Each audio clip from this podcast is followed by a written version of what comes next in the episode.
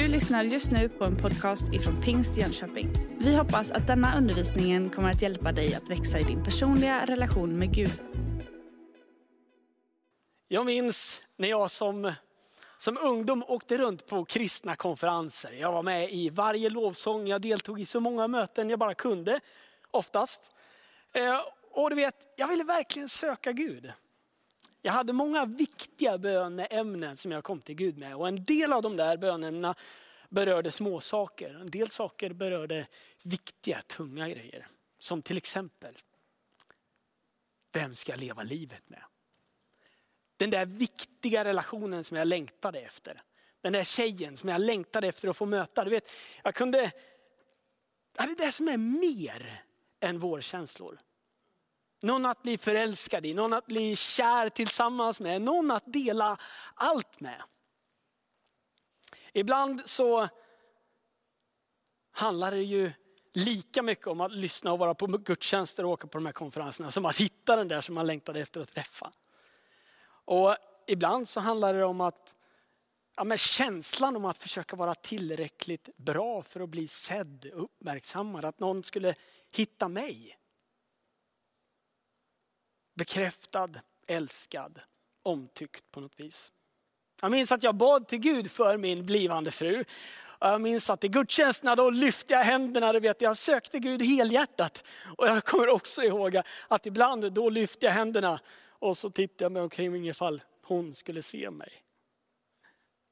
Det är märkligt det där hur stark drivkraften av kärleken är. Till och med i det där innersta kristna rummet i mitt liv så trängde sig den där kärleken in på och försökte och ja, du vet, var svårt att fokusera, vara med i gudstjänsten eller lovsången. För så mycket handlade om för mig om att hitta den där jag vill leva livet med. Hon med stort H. Mm.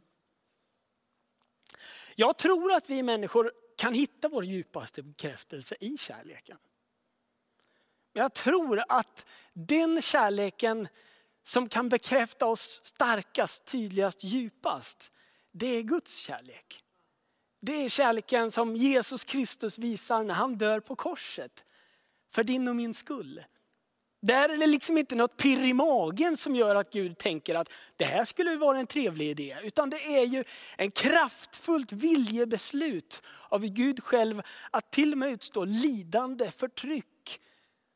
För din och min skull när han bär vår liksom synd på korset och i sin förlåtelse, i sin död på korset öppnar en förlåtelsens väg för dig och mig. Det är ett kraftfullt tecken på kärlek.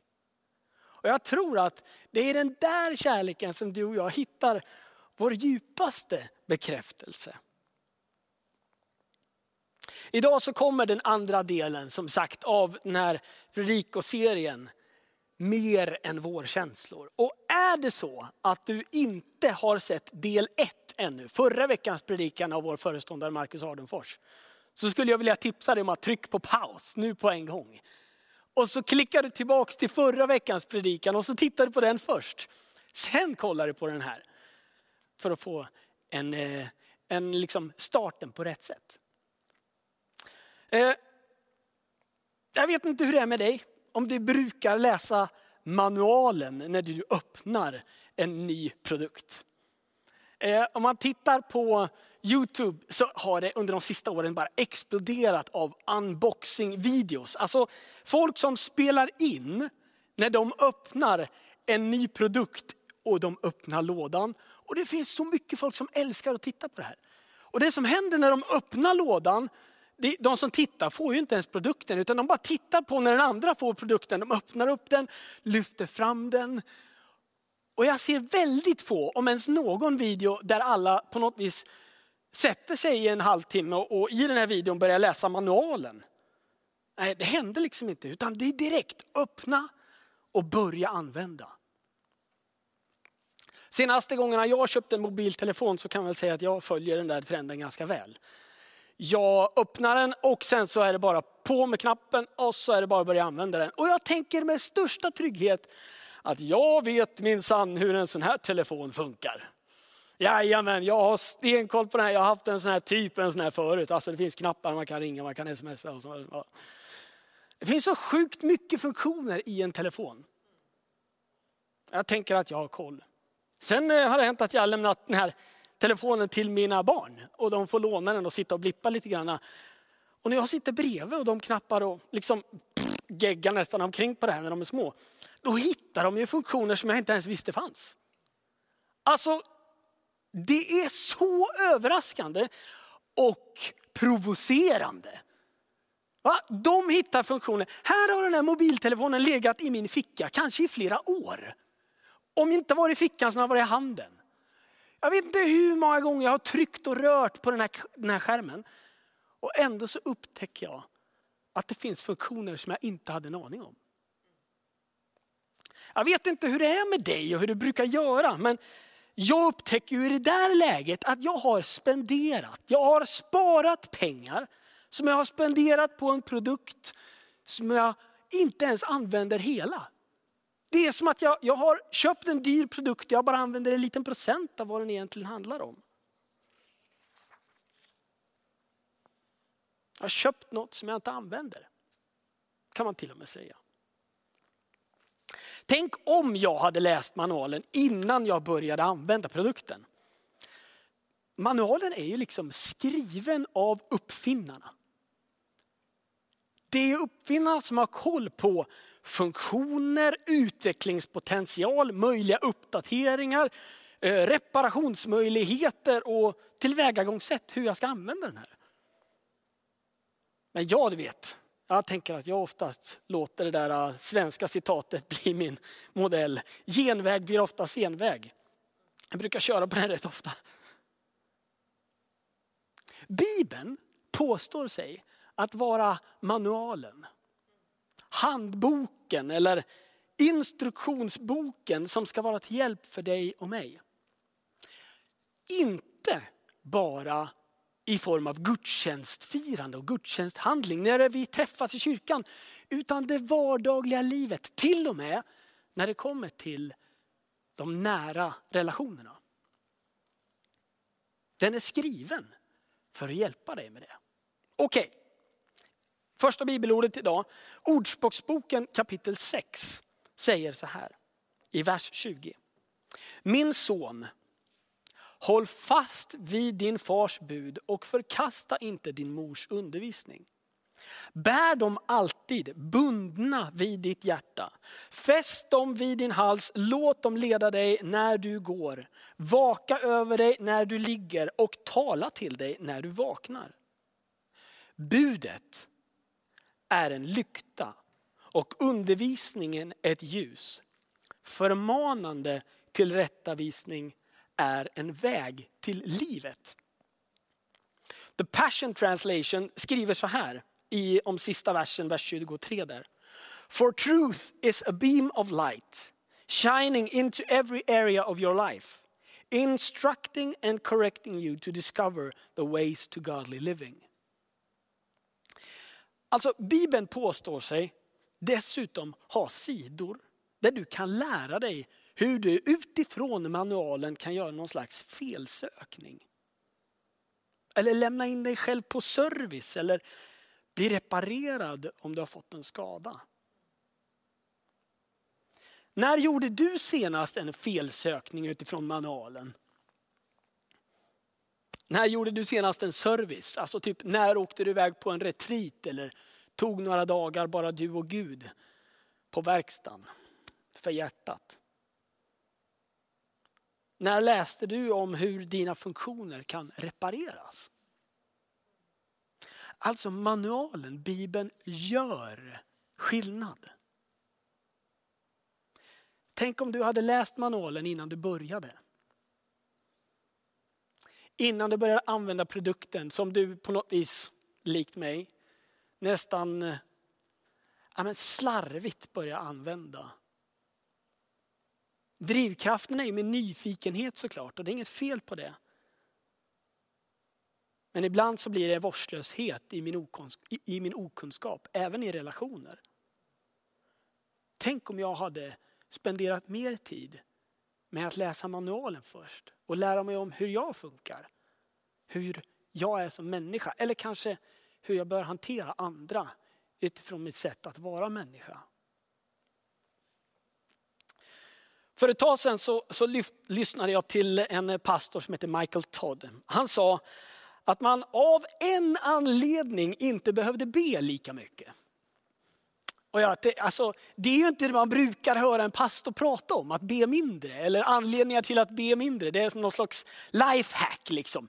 Skippa att be i ditt kristna liv och eh, gör på det här sättet. Liksom en genväg typ. Men han belyste det från ett annat sätt. En anledning till att man inte behöver be lika mycket, det är om man har läst principerna i manualen.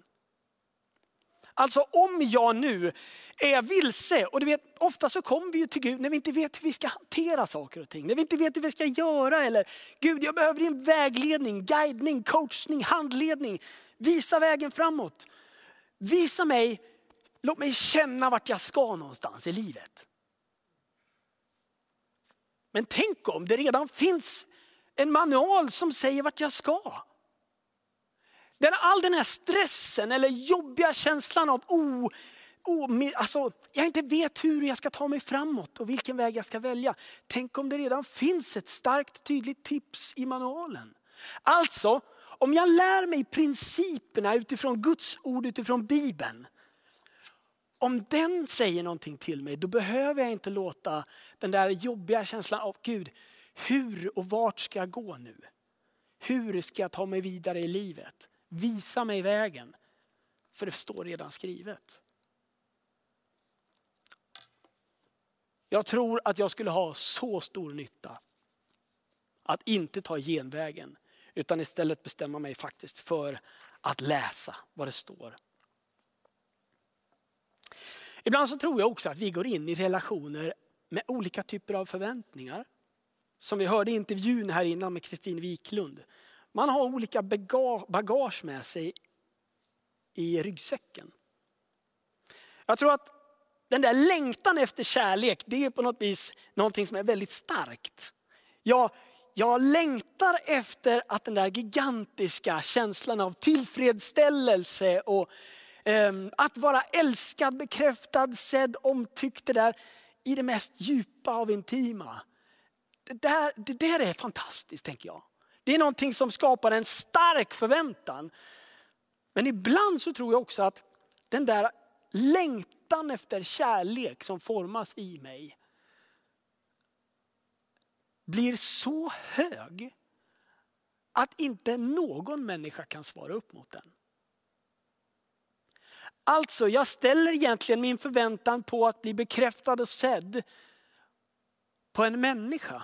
Att den ska göra det för mig. Men egentligen så är det bara Gud som klarar av att göra det. Här tror jag är en viktig grej att ha med sig in i en relation. Om du som singel funderar vem du, ska leva, eller vem du ska leva ditt liv med eller hur du ska ta livets steg liksom att våga approacha den där personen som du älskar eller är nyfiken på. Så kom ihåg att den där personen kommer aldrig att fylla alla dina förväntningar. Du kommer att möta en bristfällig människa precis som du själv är. Och du, precis som den personen i fråga, är i starkt behov av att Gud skulle göra det han kan. Att lysa med sin starka kärlek på era liv. Så att ni sen kan vara fria för att älska varandra.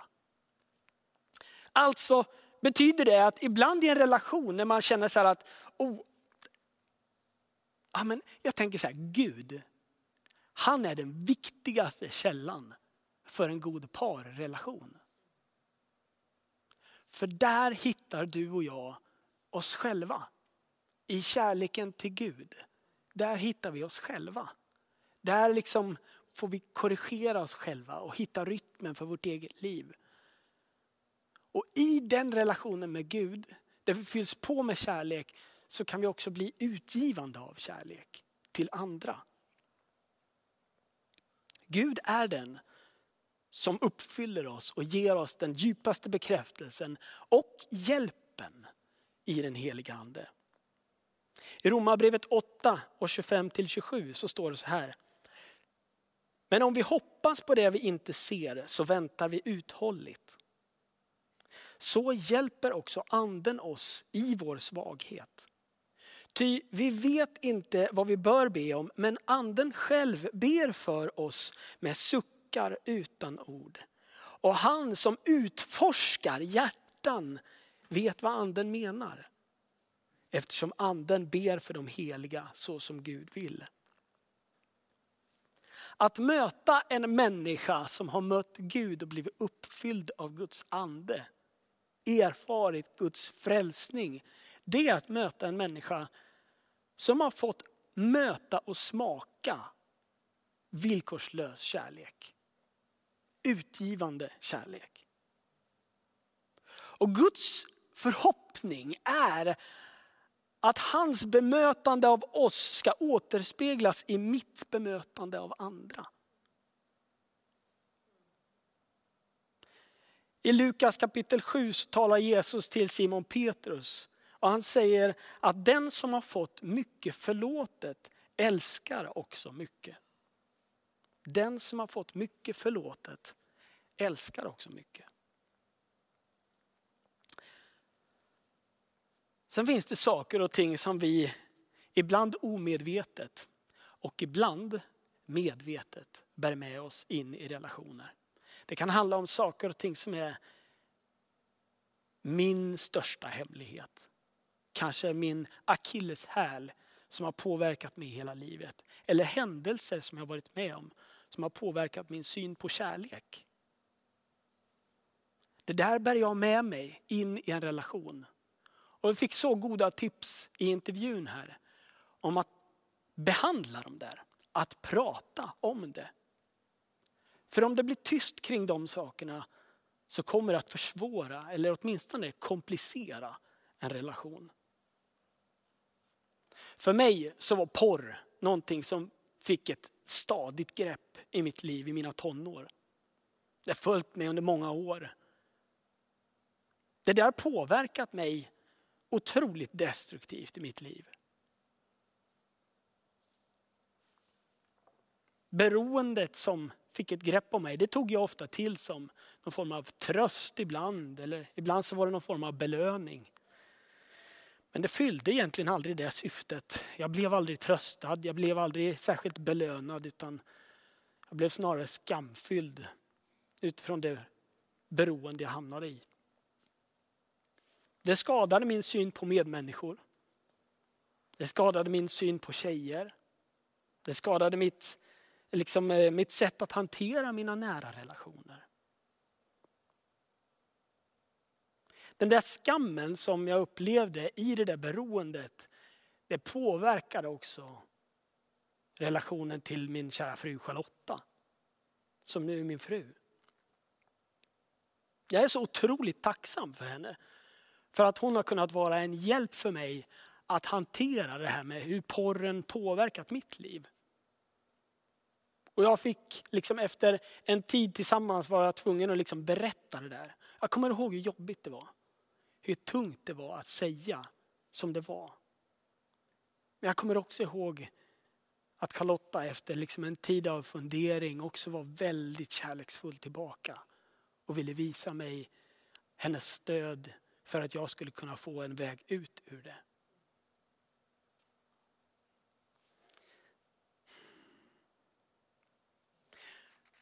Jag tror att en partner kan vara en viktig del i att få säga sanningen.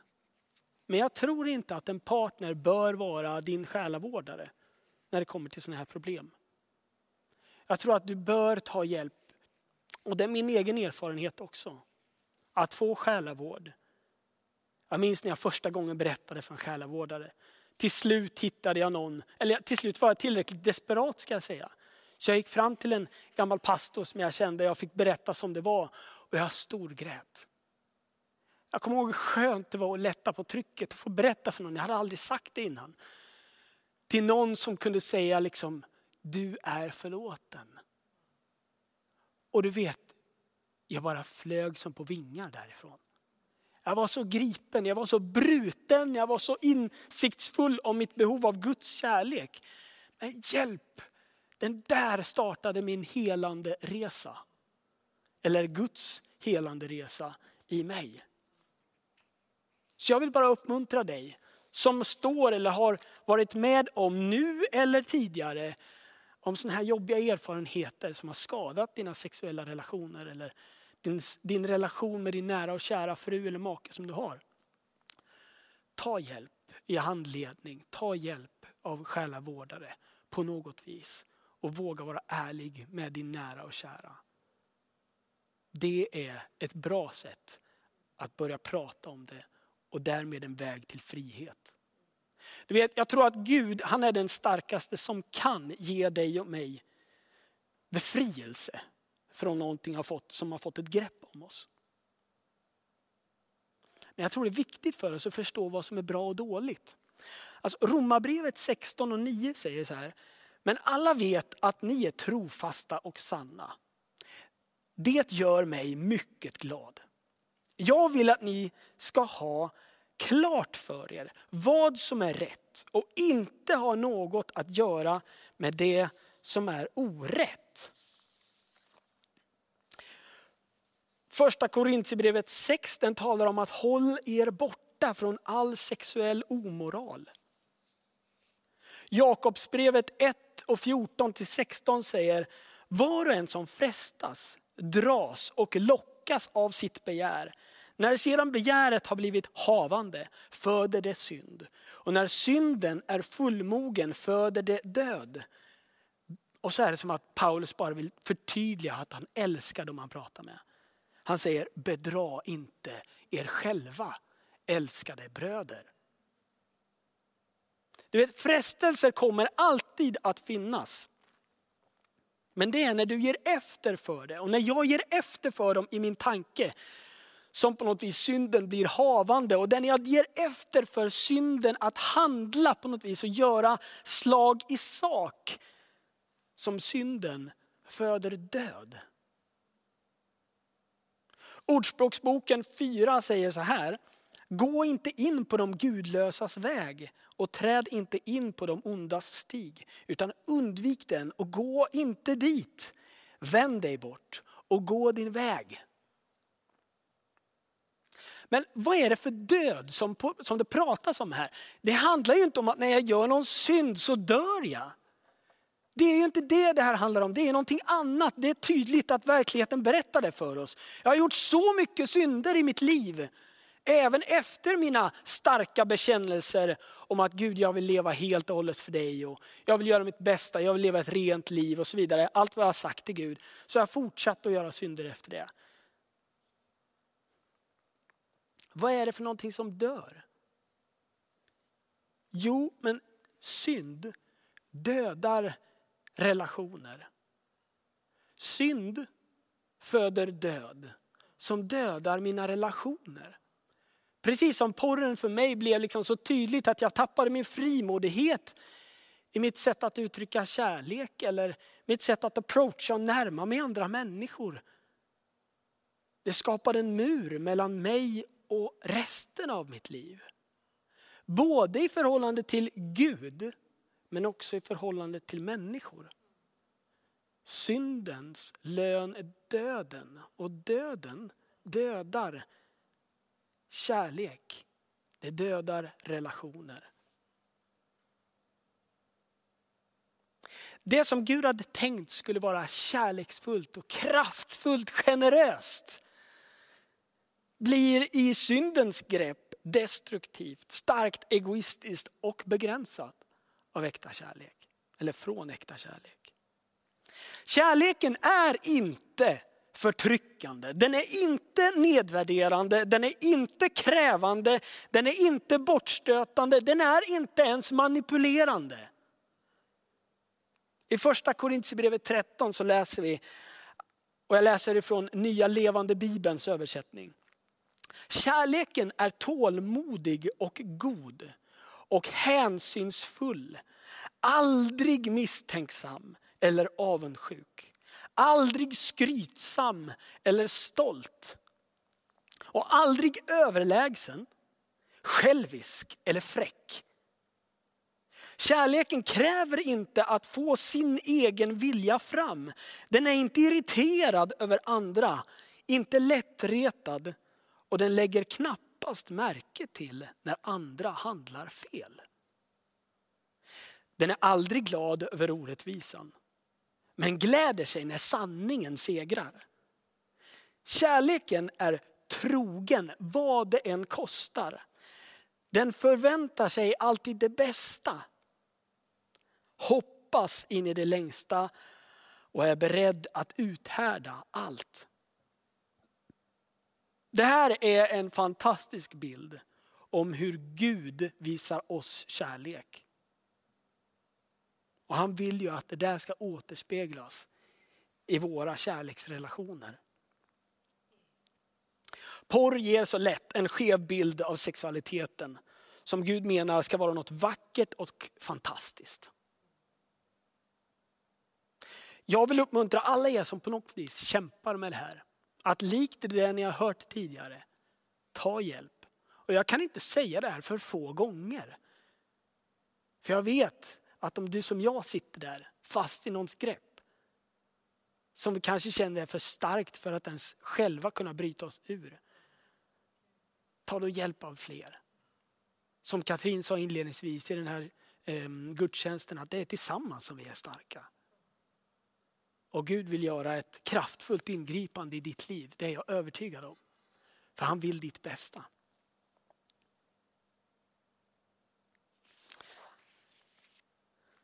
Paulus han talar en del om moralfrågor i Nya Testamentet.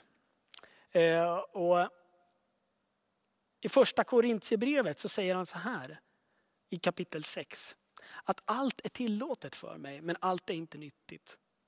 Allt är tillåtet för mig men jag ska inte låta något ta makten över mig. Maten är till för magen och magen för kropp och magen för maten, men Gud ska göra slut på dem båda. Men kroppen är inte till för omoral utan för Herren och Herren för kroppen. I nästa kapitel säger han, jag vet att det inte bor något gott i mig, det vill, jag, det vill säga i mitt kött. Viljan finns hos mig, men inte förmågan att göra det goda. Det goda som jag gör vill jag inte, men det onda som jag inte vill, det gör jag. Men om jag gör det jag inte vill, då är det inte längre jag som gör det, utan synden som bor i mig.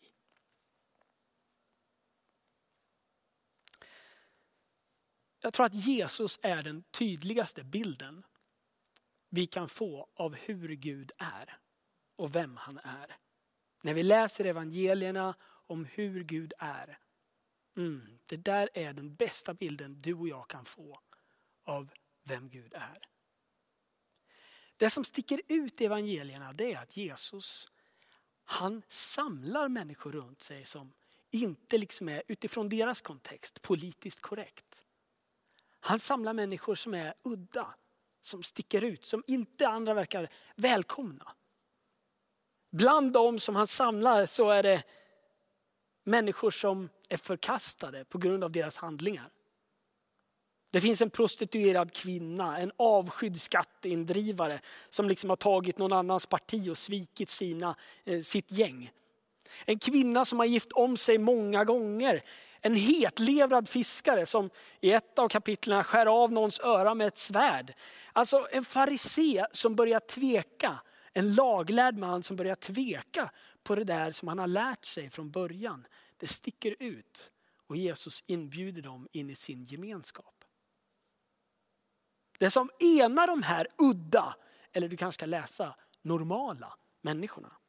Det är att när de lär känna Jesus Kristus sakta men säkert också lägger bort ifrån sig sin destruktiva synd, sitt destruktiva beteende. Och istället sätter Jesus i fokus för deras livshållning.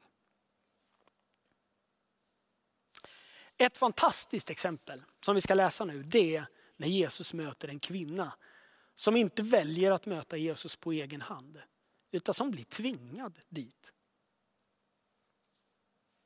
I Johannes kapitel 8 och vers 3. Då förde de skriftlärda och fariseerna dit en kvinna som hade blivit gripen för äktenskapsbrott. De ställde henne i mitten och sa, Mästare, den här kvinnan greps på bar gärning när hon begick äktenskapsbrott. I lagen har Mose befallt oss att stena sådana. Vad säger då du? Detta sa de för att pröva honom och få något att anklaga honom för. Men Jesus böjde sig ner och började skriva med fingret på marken.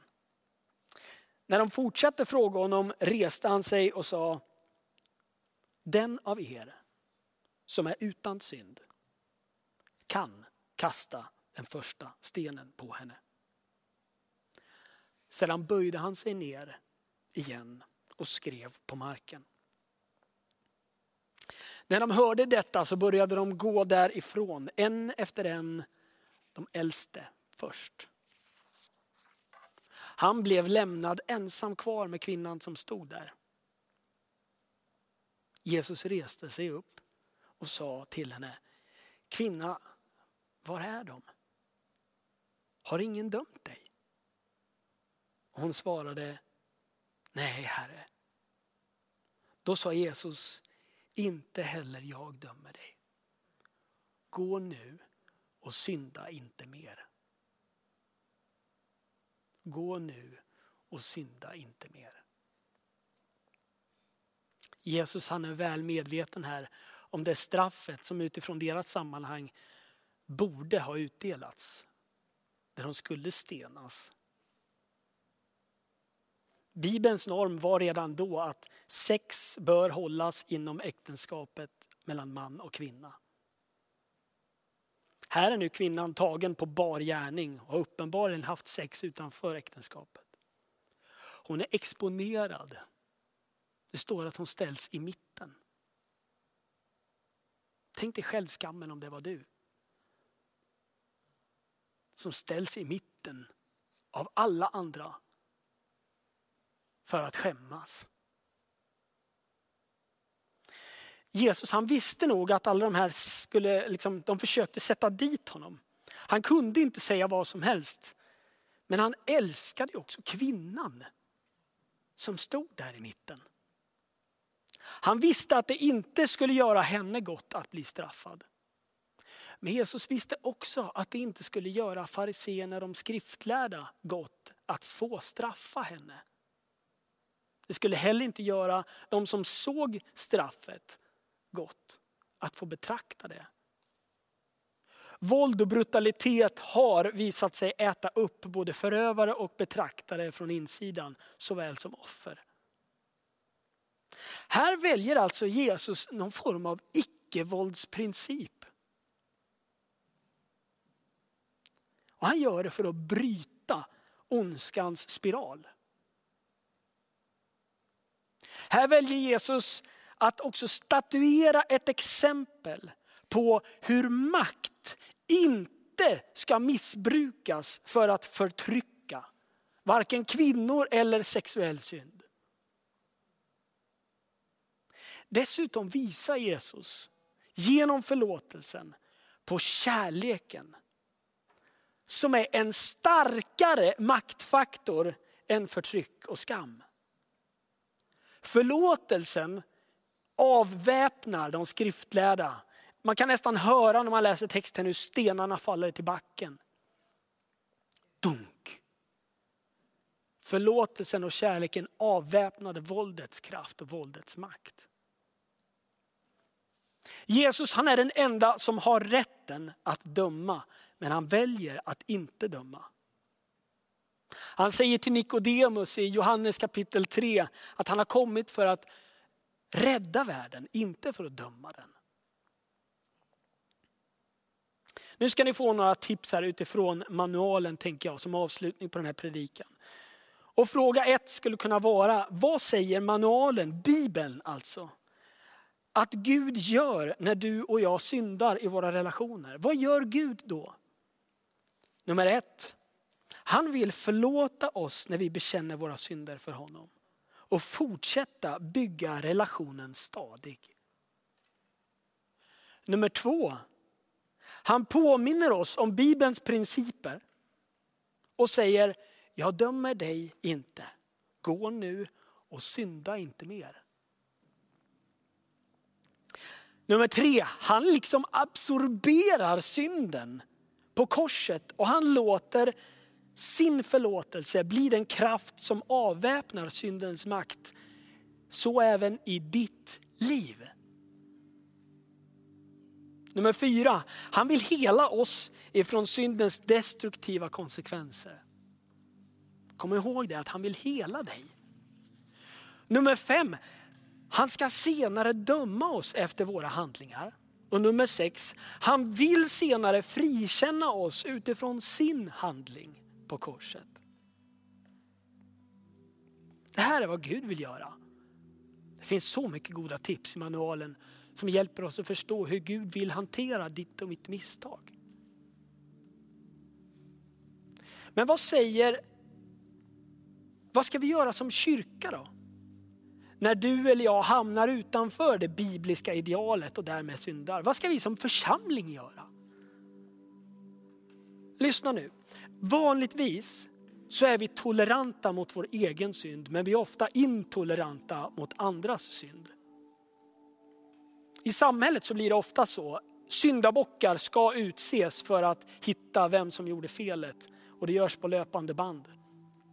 Men Bibeln lär oss att vara intoleranta mot vår egen synd och mer toleranta med andras synd. Bibeln säger då till oss som kyrka att vi ska inte döma varandra. Matteus 7 kan vi läsa om det. Nummer två, vi ska i omsorgsfull kärlek korrigera varandra enligt Bibeln. Och nummer tre, vi ska i vishet hjälpa varandra till nya goda vanor. Nu ska ni få tredje listan ifrån manualen. Håll ut, vi är snart framme. Men så här står det. I frågan om vad säger manualen, Bibeln, att jag ska göra när jag har syndat. Nummer ett, jag bör se min synd. Nummer två, jag får bekänna synden och be om förlåtelse till Gud och de människor som har drabbats av min synds konsekvenser. Det är något Bibeln uppmuntrar oss till. Att både vända oss till Gud och till människor. Nummer tre, jag får ta emot förlåtelsen från Gud. Och eventuell, ska jag säga, förlåtelse från människor. Nummer fyra, jag behöver utifrån Guds kärlek även förlåta mig själv. Om Gud nu som är så stor, mäktig, helig, ren, vit och jag känner mig som en smutsig skit. Så är det ändå så att Gud har valt att förlåta mig. Och utifrån det perspektivet, om han kan förlåta mig, då kan jag också förlåta mig själv. Och nummer fem, jag behöver hitta nya vanor för att inte begå samma misstag igen. Ta hjälp. Det finns så mycket bibelläsningsplaner som man kan hitta med goda tips. Och det finns folk runt omkring dig som har vishet och vill erbjuda det till dig. Ett sista bibelord där Ordspråksboken höjer ett varningens finger. Kom ihåg nåden, kom ihåg Guds starka kärlek. Så här står det när det är en son som får en, eh, ett tips. Budet är en lykta och undervisningen ett ljus. Förmanande till rättavisning är en väg till livet. Det ska bevara dig från den onda kvinnan, från den främmandes hala tunga. Ha inte begär i ditt hjärta till hennes skönhet och låt henne inte fånga dig med sina blickar. För en prostituerad kan ta din sista brödbit men en gift kvinna jagar din dyrbara själ. Redan i gamla testamentet så vill Gud tydligt säga till oss, håll dig på den rätta vägen. Det finns en väg som inte handlar om att göra andra människor illa eller hit, liksom leva ett liv i synd som destruktivt trycker ner dig själv. Gud han vill visa dig vägen ut ur det. Och kom ihåg att han visade äktenskapsbryterskan sån stor nåd och kärlek. Och det vill han göra för dig också nu. Kanske du har någonting som du vill bekänna för Gud som en synd där du sitter nu. Kanske du sitter med familjen, Ta och blunda en stund. Kanske du är ute på promenad. Stanna upp en stund. Och våga erkänna det där. Kanske säga det, viska det. Eller skriva det. Till Gud på något sätt. När en av våra söner där hemma var liten så gjorde han så här när han skulle be till Gud. Han tog fram sitt finger och så skrev han i luften. Och så skickade han upp det. Jag vet inte vad du behöver göra för att skicka upp din bön till Gud. Men gör det äkta och ärligt. Jesus, nu ser du var och en som vill be dig om förlåtelse för något. Tack Herre för att du valde att dö på korset och för att du vet vilka vi är. Du är den som uppfann oss som produkt. Du vet om våra skrymslen, du vet om våra, vår utvecklingspotential och allt det där man kan prata om en produkt. Du känner oss. Nu vill jag be dig om ditt helande. Jag vill be dig om att du i Jesu namn bryter syndens makt. Syndens destruktiva makt som har tagit grepp. Nu vill jag be dig om frihet för den som längtar efter frihet. Tack för att du sa att du har kommit för att ge de förtryckta frihet, de bundna. Du ska lossa deras bojor. Just nu vill jag be ut den bönen. I Jesu namn in i varje hem, varje promenad, varje hörlur. Herre, att ditt ord får träffa och det du säger att din nåd är starkare än våra misstag. Tack för din kärleksfulla makt av förlåtelse som bryter bojorna som vi har suttit fast i. Jag vill också säga till dig som kanske tänker, jag har aldrig närmat mig Gud på det här sättet, men det känns väldigt skönt att få säga förlåt. Att du kan få säga ett förlåt till Gud för att du på något vis har, har, har missat honom eller att du inte har uppmärksammat honom. Och då vill jag säga att det kommer inte kännas awkward eller konstigt utan han står där. Han är så nära dig just nu. Och han väntar bara på att du ska säga Jesus, jag vill lära känna dig. Förlåt att jag har missat den här grejen med dig. Jag vill ha relation med dig. Och på det sättet så vill jag bara inbjuda dig att sjunga med i kommande sång. Som handlar om att jag behöver dig mer än någonsin. Och du kan låta den här sången få vara din liksom frälsningsbön eller din sång om befrielse. Längtan efter befrielse. Så sjung ut den här kommande sången nu från ditt hjärta. Mena den från djupet. Och jag tror att det kommer vara någonting som är en start på en fantastisk resa framför. Tillsammans med Gud så kan du få leva i frihet. Amen. Du har just lyssnat på en podcast ifrån Pingst Jönköping. För att få reda på mer om vilka vi är och vad som händer i vår kyrka så kan du gå in på pingstjonkoping.se eller följa oss på sociala medier via pingstjkpg.